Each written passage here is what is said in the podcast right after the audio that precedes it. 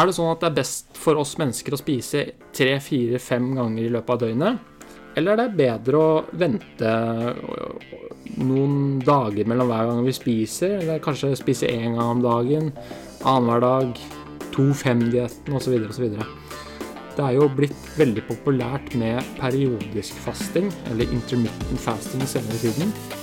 Um, og det er noe vi, vi ønsker å se litt videre på, fordi at det er en del effekter som skjer i hjernen og kroppen ved spesielt um, kalorirestriksjon.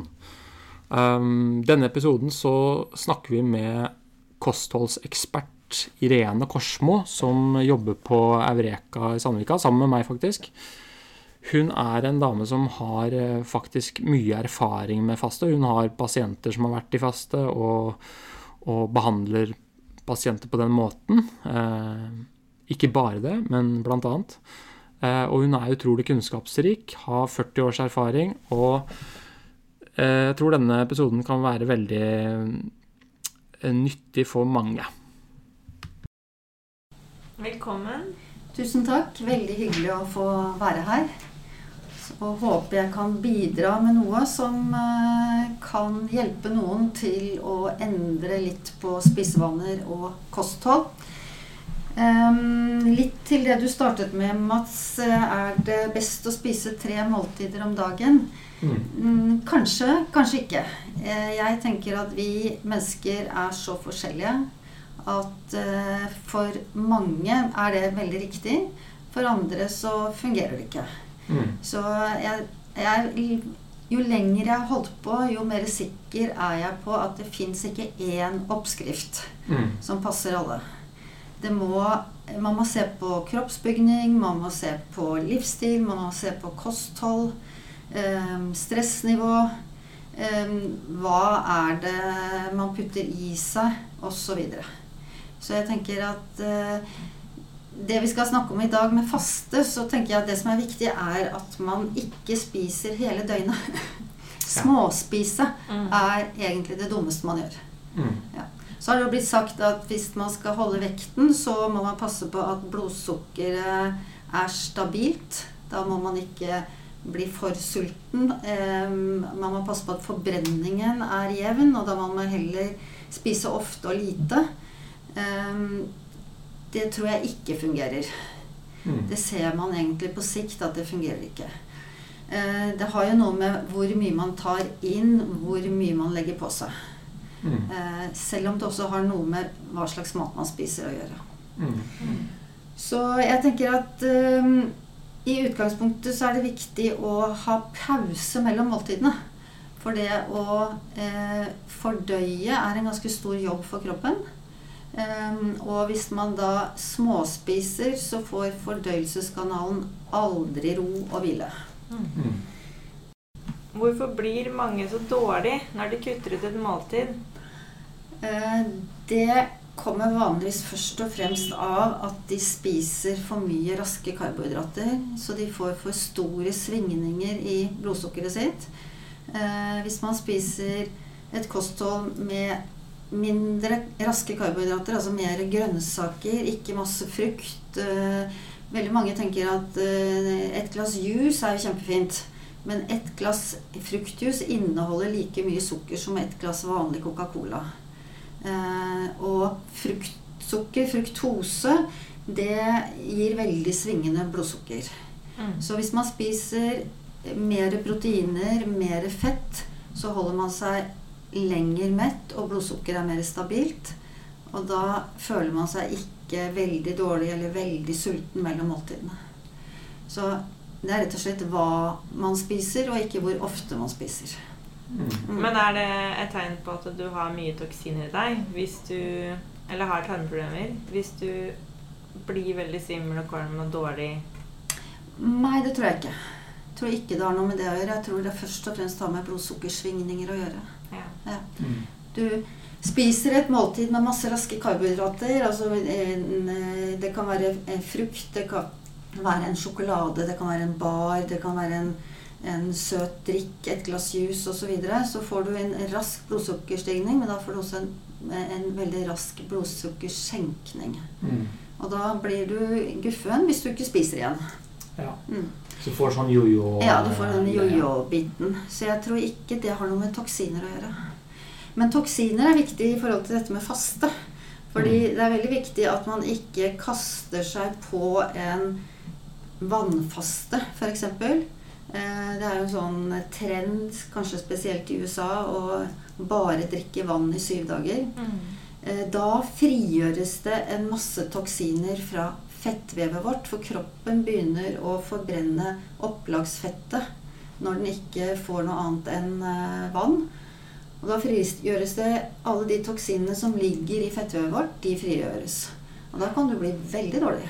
Ja. Ja. Ja. Så hvis man skal eh, faste sånn at man eh, nesten ikke inntar karbohydrater, så er det veldig viktig å starte med å endre kostholdet i noen uker på forhånd. Mm. Ja.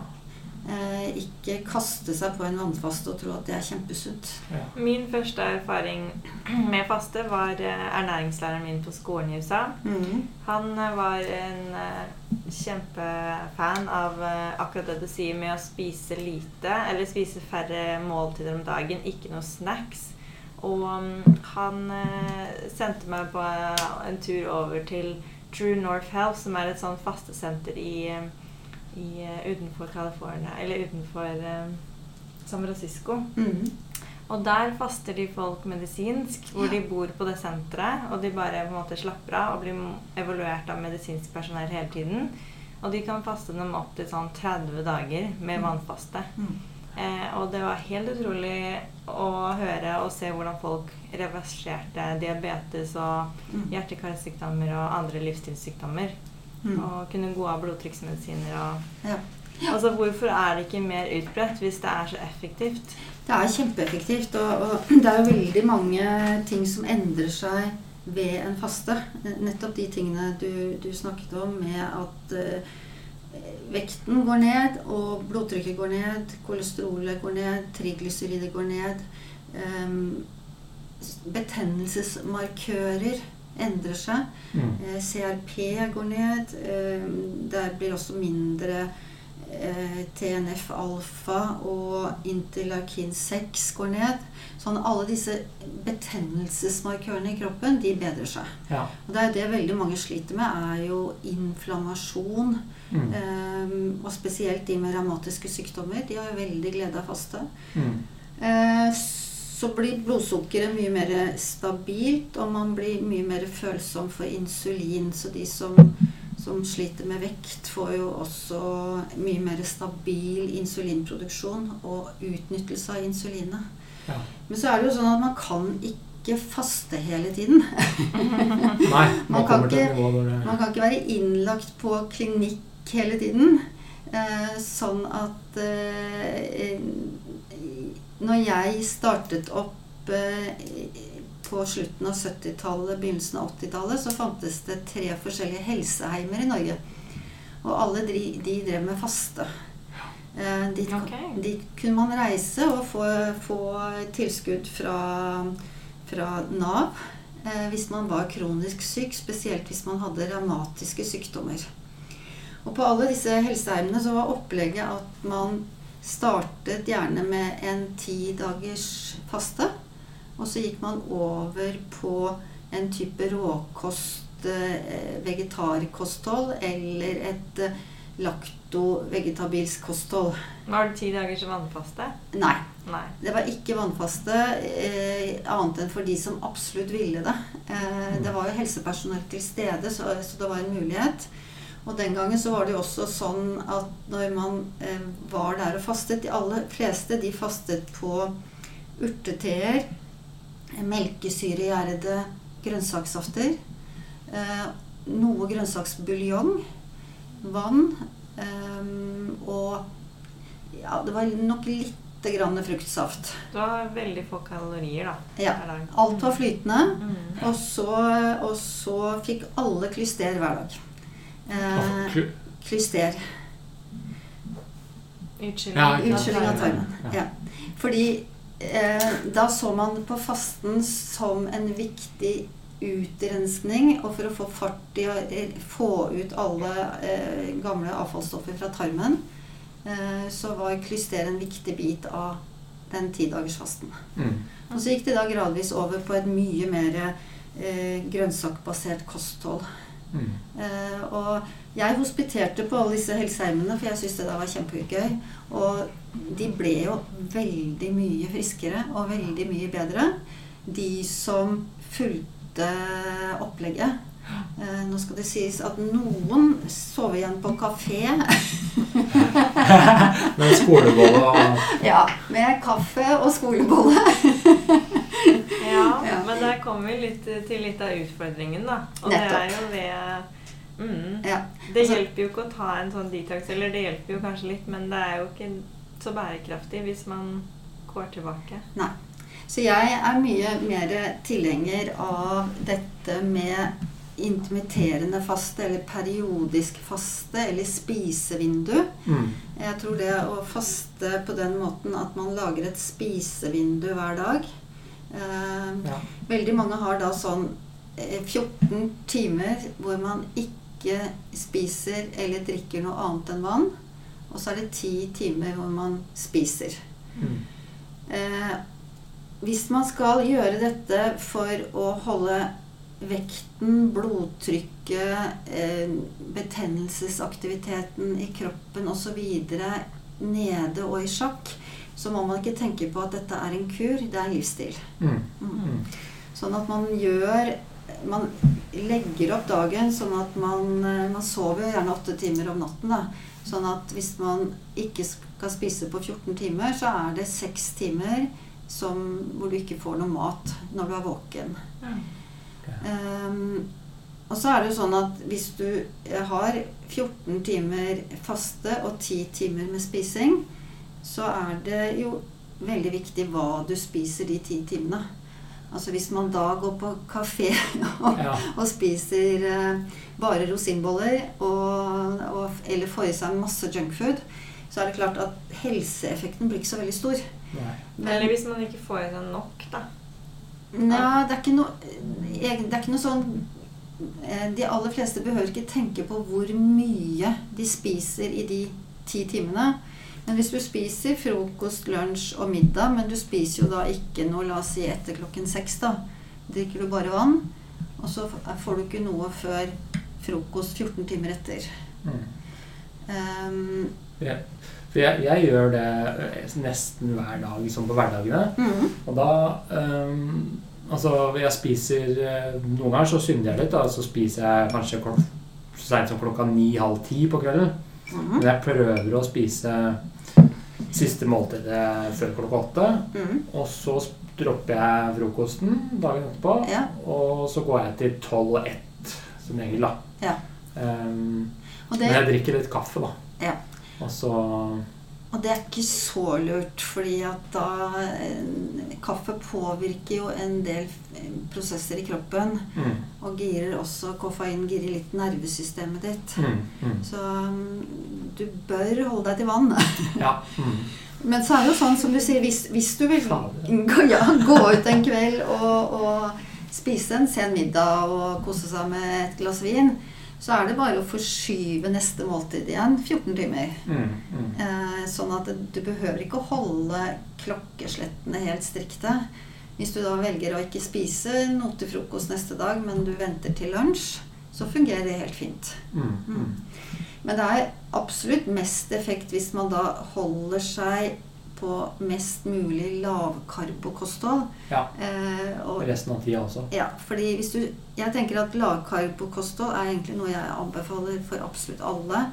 Eh, ikke høyfett og lavkarbo, fordi at da må man eh, være nøye med hvordan man spiser hvis man skal spise veldig høyfett. Men hvis man spiser stort sett veldig mye grønnsaker, bytter ut pasta, ris og poteter med grønnsaker istedenfor uh, de raske karbohydratene, spiser kjøtt og fisk og egg og fugl uh, av god kvalitet. Mm. Uh, spiser litt frukt, uh, men mest bær. For bær er mye langsommere karbohydrater enn frukt. Mm. Eh, og så anbefaler jeg da egentlig ikke å drive og drikke masse juicer hvis det ikke er mest grønnsaksjus. Fordi selv om det er ferskpresset, hjemmelaget eh, juice Hvis det er mye frukt i den, så er det mye fruktsukker. Mm. Og det gir høyt blodsukker. For det er vel ingen som er uenig lenger i at det er en fordel å ha et kosthold som er mer basert på eh, proteiner og fett enn karbohydrater. Eller altså i hvert fall raske karbohydrater. Så Fortsatt så er det jo sånn at helsemyndighetene våre er eh, veldig opptatt av at vi skal ha brød. Mm. Eh, og at vi skal ha ja, gjerne poteter. Så, så, men så ser vi jo samtidig at den norske befolkningen øker jo bare i vekt. Mm. Og de kroniske og autoimmune sykdommene bare øker. Så, så den strategien virker jo ganske dårlig. Ja. Ja. Så, og så er det jo sånn at hvis du spiser et kosthold med en god del proteiner, gode fettkilder, eh, kaldpressede oljer eh, Men gjerne noe smør òg, hvis man tåler melkeprodukter. Eh, og eh, eh, får i seg altså protein, fett og langsomme karbohydrater i form av grønnsaker til de fleste måltider, så holder man seg veldig lenge mett. Ja. Mm. Ja. Så, og det er jo sånn at Jo mer fett det er i det måltidet, og jo mindre karbohydrater, jo lengre føler man seg mett. Mm. Så da er det ikke så veldig vanskelig å ta de 14 timene uten mat, men bare med vann. Mm. Men det, er det, noen, er det noen forskjell på menn og kvinner i forhold til uh, intermittent faste? Altså, ikke på noen annen måte enn at kvinner eh, som er gravide eh, eller ammer, de skal ikke faste. Eh, I utgangspunktet så sier man at de ikke skal faste, men det er klart det å lage et spisevindu er ikke noe stort problem. Men hvis du ammer mye på natten, så er 14 timer på bare vann veldig lenge. Ja. Da begynner man å, å tære på egne næringsstoffer Mm. for å produsere melk. Mm. Så generelt sett eh, så er det ingen som anbefaler at gravide eller ammende Nei. eh, Og selvfølgelig ikke barn. Eh, barn skal ikke faste, men det er veldig lurt å, å få barn til å spise faste måltider og ikke småspise hele tiden. Ja. Mm. Mm. Eh, for det er klart det er veldig mange barn og unge som sliter med vekt. Mm. Mm. Eh, Så er det ikke sånn at hvis man tar en tre-fire dagers faste, hvor man da ikke har sånn eh, periodisk faste, men man drikker stort sett vann og kanskje noe grønnsakssafter, litt grønnsaksbuljong eh, gjennom dagen, men ikke spiser fast føde, så går man ned i løpet av en tre-fire-fem dager ganske bra med kilo. Mm. Men de kommer veldig fort på igjen, for veldig mye av det er vann. Ja. Ja. Mm. Sånn at hvis man skal gå ned i vekt eh, og holde vekten, så syns jeg at eh, dette med å bruke et spisevindu fungerer mye bedre. Men det jeg har lest i forhold til Det kan hende det er feil, men uh, i forhold til det med å ha noen ganger sånn lang, langvarig faste i forhold til intermittenfaste, er at noen av de fordelene du nevnte i stad, Mm. kommer først etter kanskje 18 timer, eh, to-tre døgn, da. Mm. Eh, hvor eh, ketonene tar over istedenfor eh, glukoselagene, på en måte. Ja. Mm. Det stemmer? Ja, det stemmer. Så, så det er klart, hvis, hvis man skal eh, Det er jo noe som heter ketogenfaste, eh, hvor man da hele tiden eh, passer på at man får så lite karbohydrater at, mm, at kroppen danner eh, ketose av fettsyrene. Eh, det er jo gunstig for hjernen, fordi hjernen eh, har veldig behov for disse ketonene. Det øker hjernens egen næringsproduksjon. Så, så det er veldig gunstig, og man blir klarere i hodet, tenker bedre, føler seg veldig opplagt. Men man klarer ikke å være i en sånn ketogen tilstand over tid. Nei. Nei. Mm. Eh, og da er vi mennesker stort sett laget sånn at når vi da bryter den fasten, så har vi rett for å gå tilbake til gamle uvaner eller kose oss litt over eh, evne. Mm. Eh, Ja. Og derfor, ja, derfor er jeg også enig i at det, sånn kvartalvis eller innimellom så kan det være bra med en sånn to-tre dager. Ja. Men kanskje ikke opp i en sånn uke eller langvarig faste. Og de jeg har snakket med som har gjort det også, noen av de føler seg kjempebra, masse energi, mm. mens andre føler føler seg kjempedårlig sånn hjernemessig da, med konsentrasjon Ja. og med at hukommelsen ble dårligere og Mm. sånn etter de gjorde en langvarig faste. Mm. Spesielt hvis man gjør da en, en, en langvarig faste med, med eh, nesten bare vann eller veldig lite næring. Ja. Fordi da er det jo, som vi snakket om i stad, at da frigjøres det veldig mye toksiner fra fettvevet i kroppen. Mm. Så på, på 70- og 80-tallet, hvor det var veldig mange som eh, fastet relativt lenge i Norge, så gikk det stort sett veldig bra. Men den gangen så var vi jo mye mindre forurenset. Ja. Altså det er jo eksplodert med fremmedstoffer i maten vår. Så, så det å gå på en sånn ketogen faste hvor du, hvor du virkelig risikerer å frigjøre en haug med toksiner, det er spesielt ugunstig for kvinner. da. Ja. Med tanke på hvis de planlegger å bli gravide, Mm. så er det veldig dumt. Samtidig som jeg ofte sier til de som planlegger å bli gravide, for jeg tar, tar av og til tungmetalltester av de. Ehm, måler det i skallet på røde blodlegemer. Og hvis de da har veldig mye tungmetaller og har tenkt å bli gravide, så er det veldig lurt å prøve å få skilt ut en del tungmetaller. Fordi kvinners eh, toksiner de går over i fosteret. Mm. Så jeg pleier å tulle med det når jeg holder kurs, at eh, den beste måten å rense kroppen på for kvinner, det er å gjennomgå mange svangerskap. Ja. Ja. For det virkelig overfører godt du med giftstoffer til Du ser jo en del, eh, en del gravide pasienter som er mye verre eh, før Ja. eh, graviditet, eller, og, og, de blir mye bedre, rett og Mm, slett. mm. Mens man tenker at eh, oi, ja, nå, nå med graviditet i tillegg her, så Ja. kan det bli utfordringer. Ja. Men, eh, men så blir vi rett og slett mye bedre, Mye bedre. På, på mange andre Ja. Ja. ting. Men hvis man da skal eh, prøve å redusere eh, mengden toksiner før man skal bli gravid, som jo er veldig bra for det stakkars lille barnet, så ikke det blir født med masse toksiner, Mm. eh, så er det viktig at man ikke kaster seg på en sånn vannfaste, men at man starter med å gå på lavkarbodiett og tilføre mye av de stoffene som binder toksiner. Eh, Det er jo bl.a. sink, selen, eh, klorella binder i hvert fall ganske bra kvikksølv. Eh, Man kan bruke leverstimulerende urter og nyrestimulerende urter for å, for å bedre eh, den biten.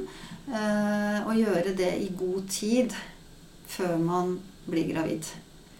Men for all del ikke under graviditet. Mm. Så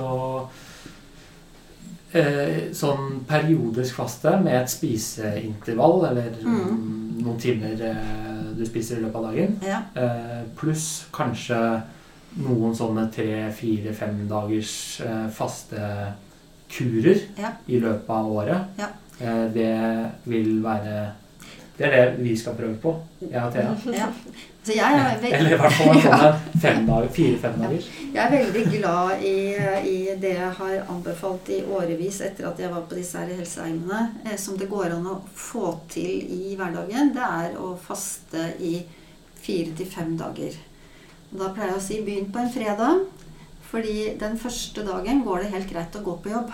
Ja. Eh, Men jeg tenker de fleste bør ikke gå på en vannfaste, men bruke eh, urtete, bruke melkesyregjærede grønnsakssafter. Det får man kjøpt i både helsekostbutikk og i, i den enkelte matvarebutikker. Mm. Man kan jo også drikke kambodsja, vannkefir, som er fulle av gode melkesyrebakterier.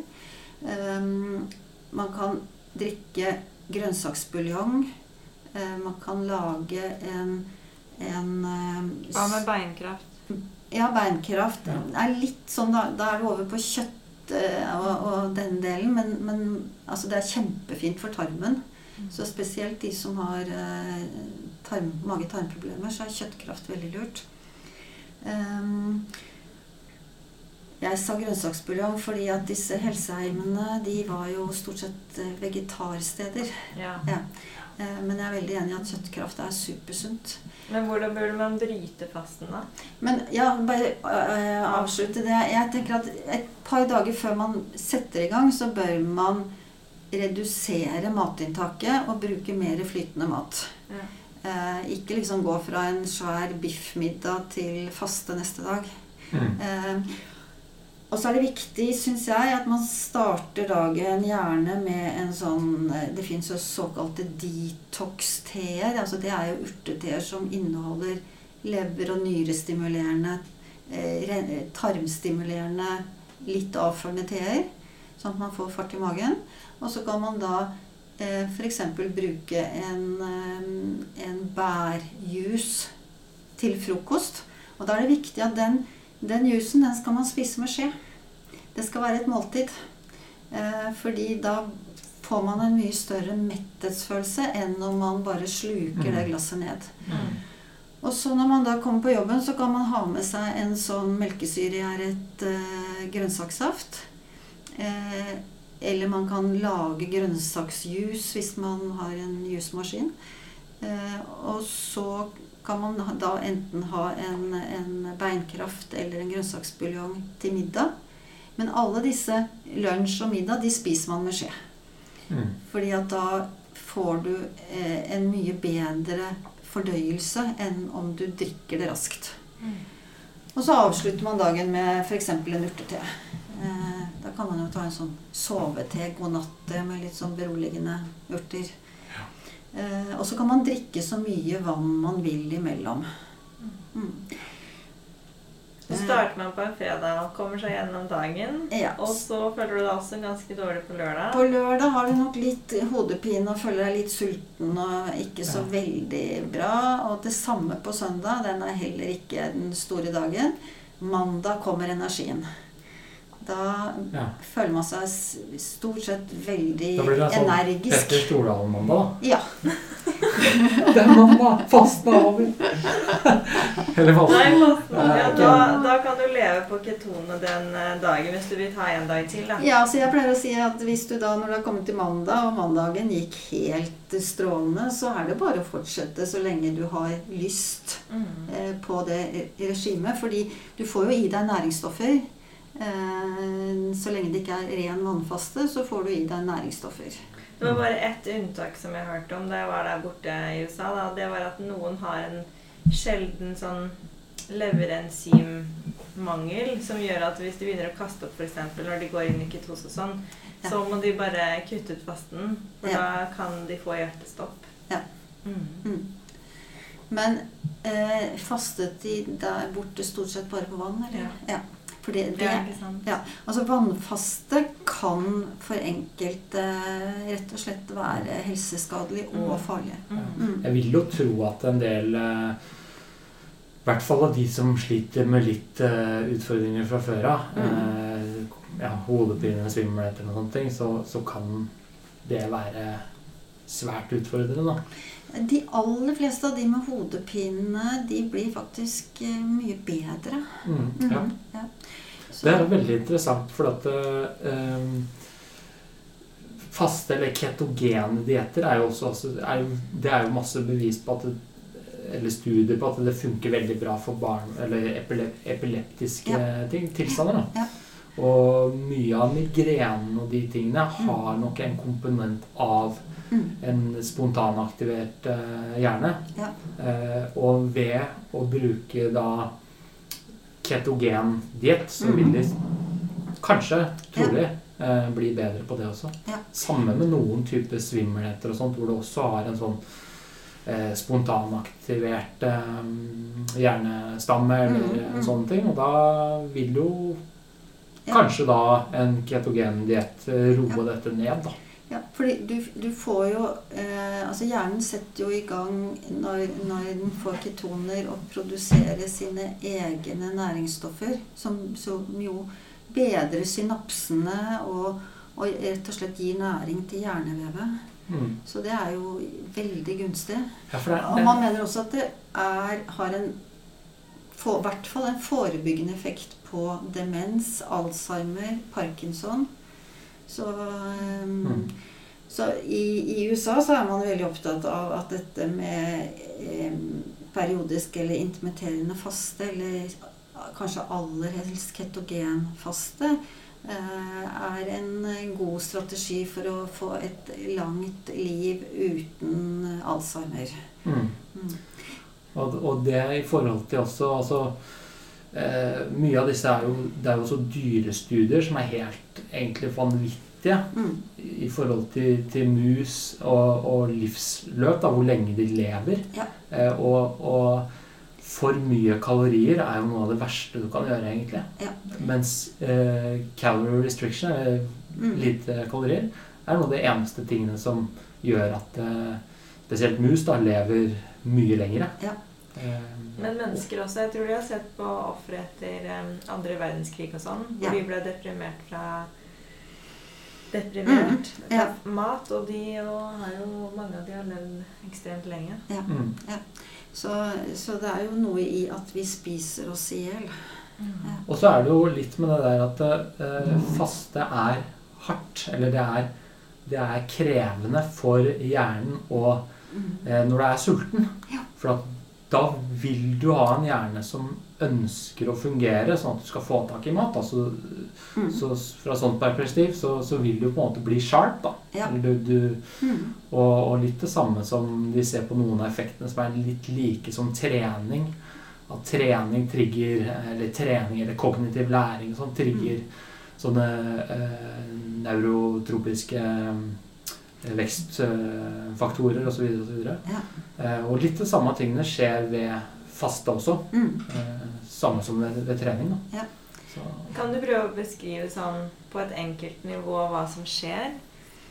Sånn som man sier med BDNF og Altså det, det er jo Det man ser, er jo, er jo nettopp dette at eh, når hjernen ikke får disse raske karbohydratene, men får ketoner, så blir det mye raskere fornyelse av hjernevevet, og nevronene og synapsene fungerer mye bedre. Og så vet man jo også at, at eh, det øker sult, øker autofagi, altså hvordan kroppen klarer å fjerne gamle og døde celler, og også fjerne muterte og defekte celler. Så det er jo derfor man også i dyrestudiet ser at det kan ha en god effekt i forhold til, eh, til kreft. Ja, mm. Ja. det er veldig spennende. Så kroppen går på en måte inn i en ryddetilstand når den får lite mat. Mm. Eh, mens når den får eh, mer enn nok mat, så går den inn i en sånn lagringstilstand. Mm. Og når man da bare lagrer og lagrer og lagrer, så blir jo lageret innmari fullt til slutt. Mm. Så, så det er jo, og, og da har ikke kroppen får ikke energi til å gjøre ryddejobben. Eh, og det Mm, er det. superviktig. Det er det samme som når du er syk. eh, Mm. er jo, du blir jo ikke sulten. Eh, veldig sulten når du har en feber eller du har et eller annet. eh, Så, så, så vil jo kroppen prøve å bruke den energien på å, Ja. Å gjøre deg frisk. Da. da. Ja, det er da, da man eh, i mor og far ikke skal stå og mase på at eh, det syke barnet skal spise.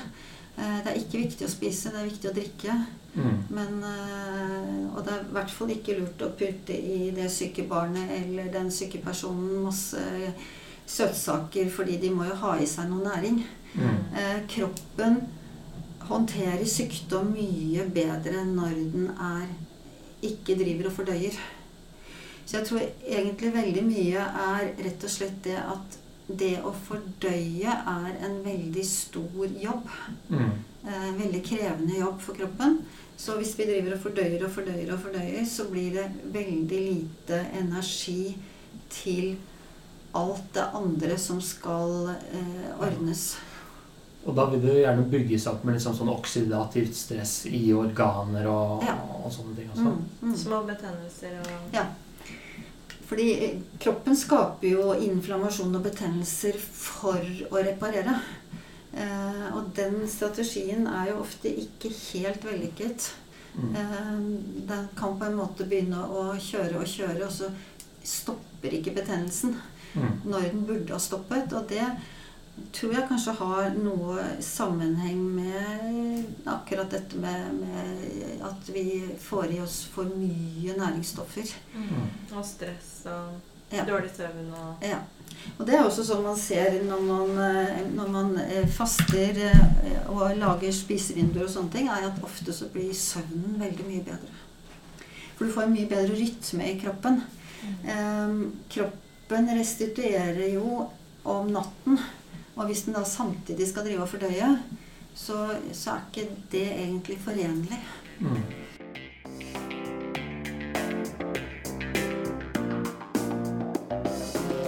I kinesisk medisin så er man jo opptatt av energien yin og yang. Yang-energien, som ofte blir kalt den mannlige, aktive, pågående jobbeenergien, den er mest aktiv på dagtid. Mens yin-energien, som er mer kvinneenergien, det er næringsenergien, og den er aktiv om natten. Eh, hvis fordøyelsen vår er i full gang med å bearbeide og fordøye mat, så har vi en yang-prosess hele natten.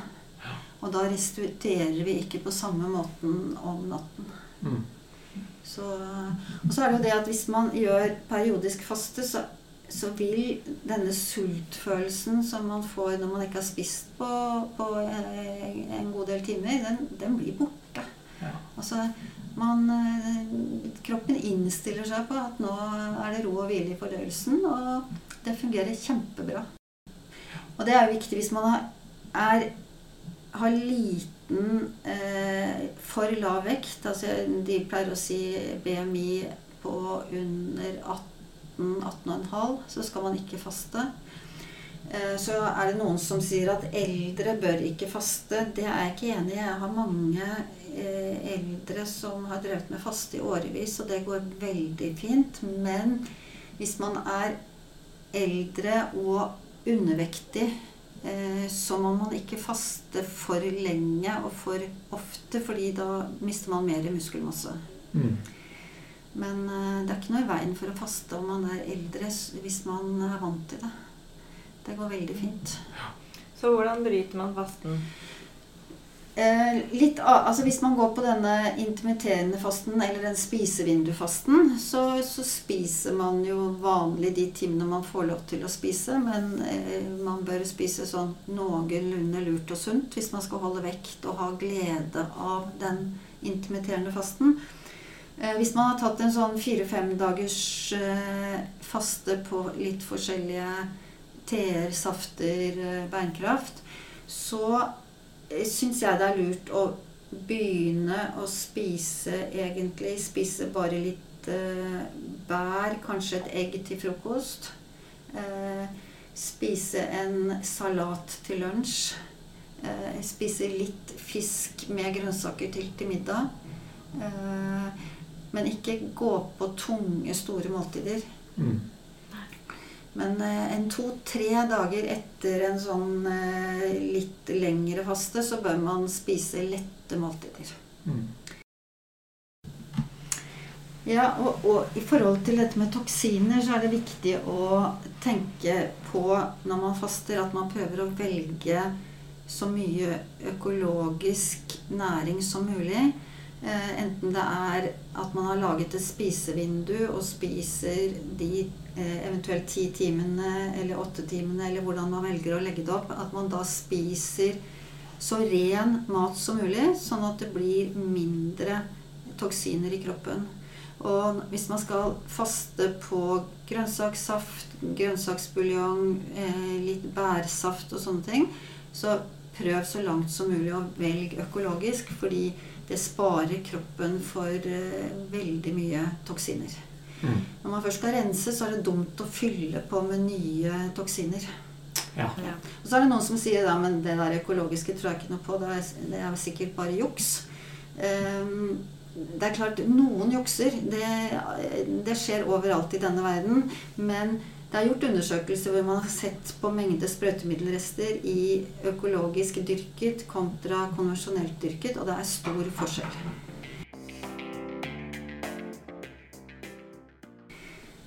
Så når jeg og Thea nå skal begynne på en sånn fastekur Vi må det. ja, ja. Ja. Um, Det er lenge siden jeg har gjort den. Så. da skal vi få et sånt program av deg, Irene. Mm. For da har vi liksom Da gjennomfører vi det. Ja. Og så må vi bare finne en eh, da, dag som det ikke er for bra vær. Og det er litt uh... Nei, Vi snakker om nå, nå på fredag. Podcastvær. Ja, jeg trenger nok et par Jeg trenger nok en uke. Ja, det trenger jeg nok. ja. Og- For det er spådd sinnssykt bra vær til helgen. Ja, så dere, må, ja, dere må finne en Viken hvor det ikke skjer noe. Mm. Altså det, det å, Det er perfekt i koronatiden, da. Ja, det var da. Ja. Det var da vi skulle gjort det. var da, da man skulle faste. Nå ble jeg så sulten i den koronatiden og jeg bare gikk hjemme og snoka i kjøleskapet. Ja, og så er det sånn Man skal vel kanskje ikke faste hvis man er under stress. Um, Hvis kroppen er eh, på en måte litt kjørt allerede. nei, hvis man er veldig sliten og kjørt, så er det jo ikke den beste tiden. Men, men det de aller fleste merker, er jo at den tredje-fjerde dagen så får du masse mer energi.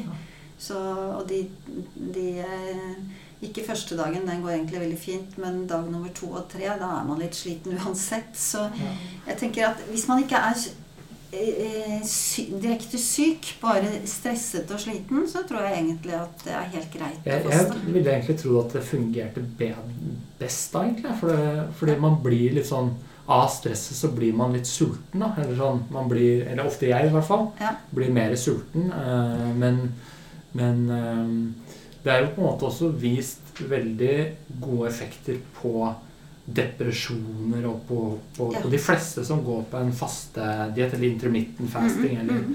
eller mm. eller um, lengre faster, føler, rapporterer og føler seg mye bedre. Eh, både humørmessig og Ja. eh, en del andre Ja. fysiologiske mm, målinger. Da. For det er jo en ting eh, vi ikke har snakket om, og det er jo dette at eh, når man faster, så får man en bedre tarmflora. Mm, Ja. Mm. Så, så, og og eh, mikrobiomet vårt, eller tarmfloraen vår, som jo består av både såkalt snille og dårlige bakterier og, og virus og parasitter og andre eh, ting som vi går rundt med, eh, de kommuniserer jo med hjernen vår via vagusnerven. Sånn at de påvirker oss. De påvirker tankegangen vår. De påvirker lysten vår, sulten vår osv. Så videre. sånn at når man faster, så får man mindre av de ugunstige bakteriene og mer av de gunstige. Og dermed så vil det også påvirke dette med det psykiske, og det vil også i stor grad påvirke mage-tarmsykdommer. Mm. Og når jeg leste litt eh, i dag eh, for å lese meg opp på om det var noe nytt på faste, så var det kanskje det veldig mange sliter med, er jo den tilstanden som heter SIBO. Det er jo en ny i gåsetegn, for det er en diagnose som har vært i ganske mange år. Men det er da en kronisk betennelse i tynntarmen, mens IBS eh, er jo i tykktarmen. Og de med SIBO de blir ja, vanligvis på, på, av lege og sykehus behandlet med antibiotika, og det hjelper, men det hjelper bare en stund. Mens faste hjelper mye bedre. Ja, ikke sant. Så man faster rett og slett ut de dårlige bakteriene i tynntarmen, Mm. og så får man erstattet de med en mye bedre flora. Mm. Så um, eh, det ble ikke sagt noe i forhold til IBS, men, eh, men de to tilstandene henger som regel sammen. Ja. Mm. Mm. Men hvorfor sluttet egentlig det statlige Med opplegget, helseheimer? Ja. Jo, det um, Gi oss noe sånn political juice. Ja, altså det var det. Ja, det var Det disse, kontroversielle. ja, disse helseheimene var som sagt De fleste fikk tre eller fire ukers opphold. Eh, og da kunne de søke seg til bl.a. disse tre helseheimene som da drev med kost og faste og sånne ting. Og så var det selvfølgelig også trening. Ja. Eh, og fysikalsk behandling. Og mange av de drev med litt sånn mentaltrening, autogentrening. Det var superbra. Mm. Eh, så er det jo vanskelig da å vite eh, hvordan dette fungerer på lang sikt, og om folk følger opp, og hvor mye eh, Helse-Norge sparer på å sende folk på en sånn eh, helseheim. Mm. Så etter hvert så ble det sånn at de som fikk dekket oppholdet, det var kun de med psykisk sykdom.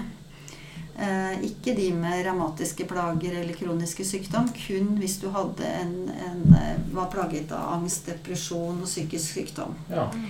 Så eh, da mistet jo på en måte disse ildsjelene som drev disse stedene, litt eh, piffen. For de fikk da en helt annen type pasientgruppe. De var ofte ikke veldig motivert verken til å faste eller endre på kostholdet. Eh, Så da ble på en måte det eh, Den pasientgrunnlaget, det fant myndighetene ut at det var ikke noe poeng å sende de på helseheim. Ehm, Så da ble de lagt om sånn at de, de bare skulle drive Det ble vel til slutt bare én igjen. Eh, To ble lagt ned, og så var det én igjen. Og de skulle bare drive og slanke folk før slankeoperasjon. Ja, ja. Så eh, da ble det noe helt annet. Og de er også nå nedlagt. Eh, Så egentlig så var jo dette veldig, veldig, veldig flott, fordi de drev jo med veldig mye forebyggende helsearbeid. Ja. Men det er vanskelig å måle effekt av sånne ting. Og det er derfor det er lite forskning på faste på, hos, på mennesker. Fordi det er veldig lett å, å forske på faste på mus og forsøksdyr. For Mm. da kan man, man man vet når de får mat, hvor mye mat de får, og hvor mye kalorier de får, Mm. osv. Hvis man skal ha en større gruppe mennesker som skal gjennomføre et sånt regime, så vet man at noen jukser, noen faller fra, eh, noen eh, eh, følger det, men følger ikke godt nok. Og så er jo det å få folk til å gjøre noe i lang nok tid, er veldig vanskelig. Det er studier som det er på en måte nok holder, og så må Ja. du ha noen tusen. Ja. Eh, og da må du gjerne ha følge det da denne gruppen på ikke sant, fra samme Eller altså denne, de 100 000 menneskene. Mm. Ja. Eh, fulgte dette i fem-ti år, eller eh, sikkert mer enn det også. Mens de andre gjorde bare dette. Eh, og det er klart at det, Og så er jo pro problemet er jo med den type studier at man kan se på da fasten, men hva, hva for noe annet gjorde disse menneskene? Hva jobbet de med? Hva, hva, hva, hva skjedde i livet? Ja. Mm. Ja. Ja. Altså du får aldri like grupper. Så problemet med gullstandarden når det gjelder forskning eh, på dobbeltblind placebo-kontrollert, det er jo at den gullstandarden den er designet av legemiddelindustrien for å eh, forske på et nytt legemiddel. mm. Mm. Det er veldig lite egnet til å bruke den standarden på kosthold, på kiropraktikk. ikke sant? Dere behandler ikke alle helt likt. Nei. Nei, de er ikke like gamle. De eh, har ikke de samme forutsetningene. Så du får aldri god forskning eh, hvis du skal følge den modellen. Mm. Ja, det blir ikke likt, likt sannheten da, av hva som Nei. eh, skjer på klinikkene eller eh, Nei. sentrene rundt omkring. Men jeg tror det er veldig mange rehabiliteringssentre i dag også som gjør mye av det med positiv psykologi og trening og alt det. Um, som ikke nødvendigvis har noe mer evidens for det de driver med, enn de helsefarmene du snakker om. Em, så um, la oss få det tilbake. Ja. Fast Bring back the health farm. helseheim var det. Helse- Ja, helseheimet, ja da. Det var på Geilo på Vi kan lage sånn Farmen eh, reality-show. Ja, ja. Ja.